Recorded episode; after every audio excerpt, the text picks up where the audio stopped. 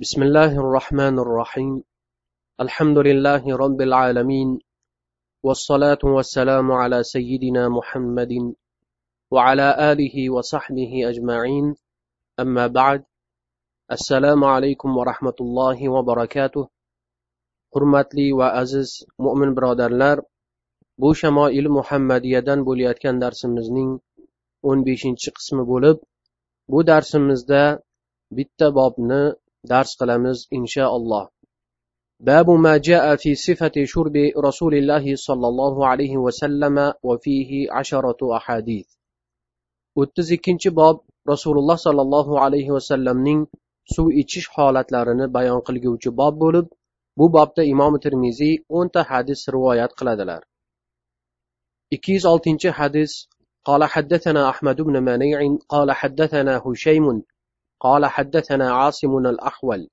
ومغيرة عن الشعبي عن ابن عباس رضي الله عنهما أن النبي صلى الله عليه وسلم شرب من زمزم وهو قائم. ابن عباس رضي الله عنهما دان روايات قلنا دا ايتدلر كي پیغمبر صلى الله عليه وسلم تك ترغن حالدا زمزم اچكنلر 207 حدث قال حدثنا قتيبة بن سعيد قال حدثنا محمد بن جعفر عن حسين المعلم عن عمرو بن شعيب عن أبيه عن جده قال رأيت رسول الله صلى الله عليه وسلم يشرب قائما وقاعدا amr ibn shuayb otalaridan u kishi bobolaridan rivoyat qilib aytadilarki men payg'ambar sollallohu alayhi vasallamni tik turgan holda ham o'ltirgan holda ham suv ichganlarini ko'rganman ikki yuz sakkizinchi hadis قال حدثنا علي بن حجر قال حدثنا ابن المبارك عن عاصم الأحول عن الشعبي عن ابن عباس رضي الله عنهما قال سقيت النبي صلى الله عليه وسلم من زمزم فشرب وهو قائم ibn abbos roziyallohu anhudan rivoyat qilinadi aytadilarki men payg'ambar sollallohu alayhi vasallamga zamzam taqdim qildim u zot tik turgan holda ichdilar ikki yuz to'qqizinchi hadis قال حدثنا أبو كريب محمد بن العلاء ومحمد بن طريف الكوفي قال أنبأنا ابن الفضيل عن الأعمش عن عبد الملك بن ميسرة عن النزال بن سبرة قال أوتي علي رضي الله عنه بكوز من ماء وهو في الرحبة فأخذ منه كفا فغسل يديه ومضمض واستنشق ومسح وجهه وذراعيه ورأسه ثم شرب منه وهو قائم ثم قال هذا وضوء من لم يحدث هكذا رأيت رسول الله صلى الله عليه وسلم فعل النزال ابن سبوردان روايات qilinadi aytadilarki ali roziyallohu anhuga rahbada bo'lganlarida bir ko'zada suv keltirildi u zot undan bir hovuch suv olib ikki qo'llarini yuvdilar keyin og'iz va burunni chayqab yuzlariga ikki bilaklariga va boshlariga mask tortdilar so'ng tik turgan holatlarida u suvdan ichib mana bu tahoratini buzmagan kishining tahoratidir. Men rasululloh sollallohu alayhi vasallamni shunday qilganlarini ko'rganman dedilar. Bu hozir o'qilgan hadislarni hammasini ulamolar isnodlari sahih deb hukm qiladilar. Sahih va hasan hadislar shar'iy dalil bo'lib ularning ma'no va mazmunlari taqozosiga binoan ahkomlar olinadi. Bu hadislarni sahih deb e'tiborga olgan ba'zi ulamolar tik turib suv ichish joizligini ma'lum qiladilar. Lekin boshqa sahih hadislarda esa tik turib ichishdan qaytaruvlar kelganligi uchun ko'pchilik ulamolar o'rtalarida qattiq munozaralar va munoqashalar bo'lib o'tgan. Chunki tik turgan holda suv ichishdan qaytargan hadislar ham sahih bo'lib ruxsat bergan hadislar ham sahihdir. Imom saraxsiy usul fiqh kitoblarida aytadilarki shariatda bir biriga ziddiyatlik topilishi aslo mumkin emas. Mabodo mana shunday hol topilguday bo'lsa u fahmimizning qosirligidandir. Shuning uchun ulamolar aytadilarki tolibi ilm agar bir hadisni o'qib uning sahihligini bilib undagi ahkomni ham to'g'ri tushunib yetsa darhol unga hukm bermasin va uning taqozosiga ko'ra amal qilishga shoshmasin. Balki ulamolarning bu hadis ustida qilgan ijtihodlariga boqsin. Chunki ular hadisni atroflicha o'rganib chiqib iloji boricha hadislarni hammasini jam qilishga urinadilar.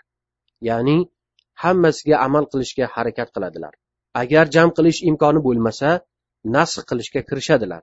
Bu ishlar ulardan ulkan ilmiy izlanishlarni talab qiladi va bunday masalalarni ijtihod darajasiga yetgan ulamolargina uddalay oladilar. Tik turib suv ichish masalasi ham ulamolarning fikr zikrlarini o'ziga jalb qilib o'rtalarida katta munozaralarni paydo qilgan ilmiy izlanishlarga sabab bo'lgan chigal masalalar jumlasidandir. Ulamolarning bir toifalari tik turib ichishga butunlay ruxsat bersalar bir toifalari mutloq man qiladilar.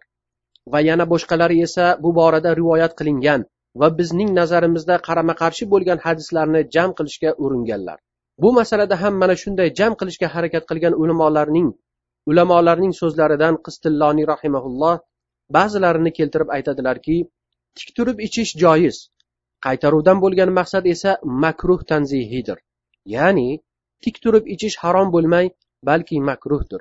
Yoki tik turib ichish payg'ambar sollallohu alayhi vasallamgagina xosdir. Yoki zamzam ichilgandagina ruxsatdir. Yoki o'ltirib ichish tik turib ichishdan afzalroqdir.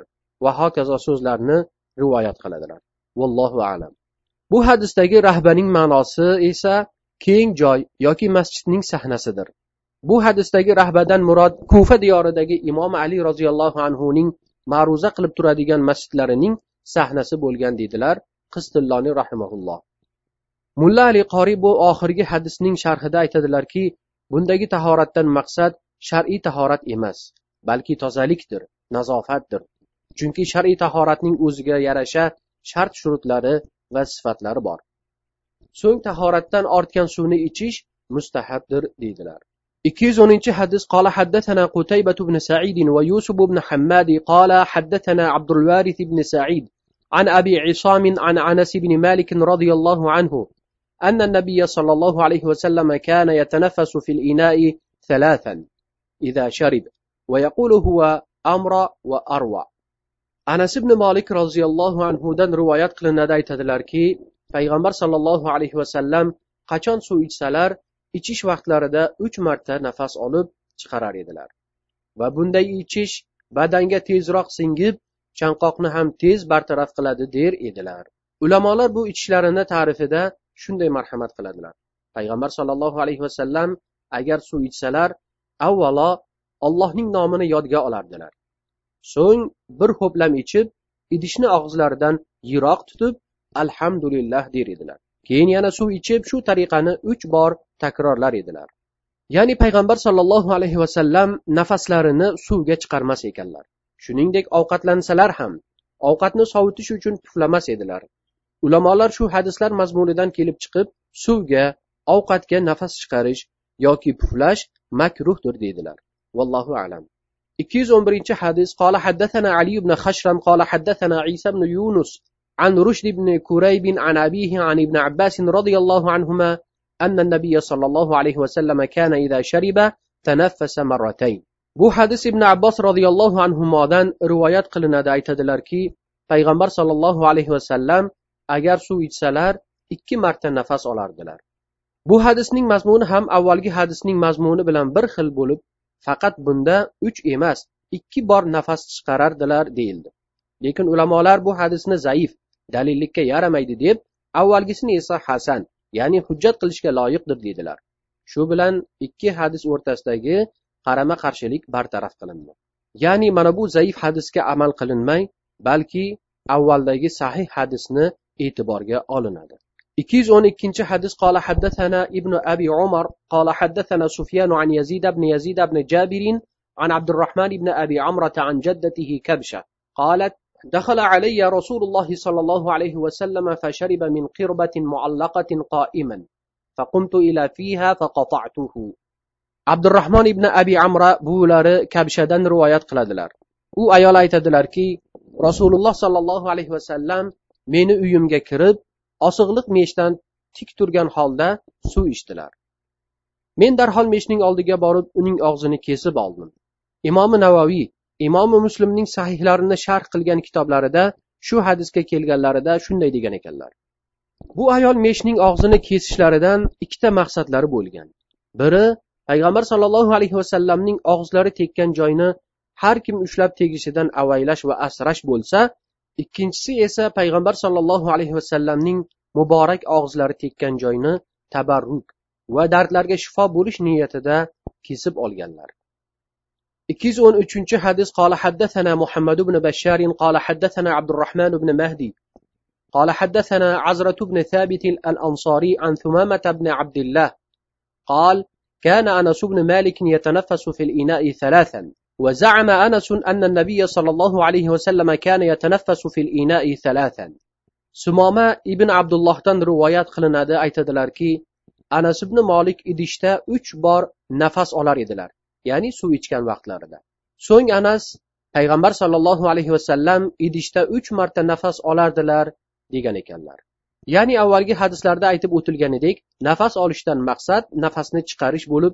idishni og'izdan uzoq tutib nafas chiqariladi chunki suvga yoki ovqatga og'izdan hamda burundan chiqadigan nafas tushishligi makruhdir ikki yuz o'n to'rtinchi hadis qola haddathana abdulloh ibn abdurahman qola haddathana abu asim عن ابن جريج عن عبد الكريم عن البراء بن زيد بن ابنة أنس بن مالك عن أنس بن مالك أن النبي صلى الله عليه وسلم دخل على أم سليم وقربة معلقة فشرب من فم القربة وهو قائم فقامت أم سليم إلى رأس القربة فقطعتها yana anas roziyallohu anhudan rivoyat qilinadi aytadilarki payg'ambar sollallohu alayhi vasallam ummu sulaym roziyallohu anhoning uylariga kirdilar bir mesh osig'liq turardi payg'ambar sollallohu alayhi vasallam tik turgan holda u meshdan suv ichdilar ummu sulaym darhol meshga borib uning og'zini kesib oldilar ulamolar bu hadisning isnodini zaif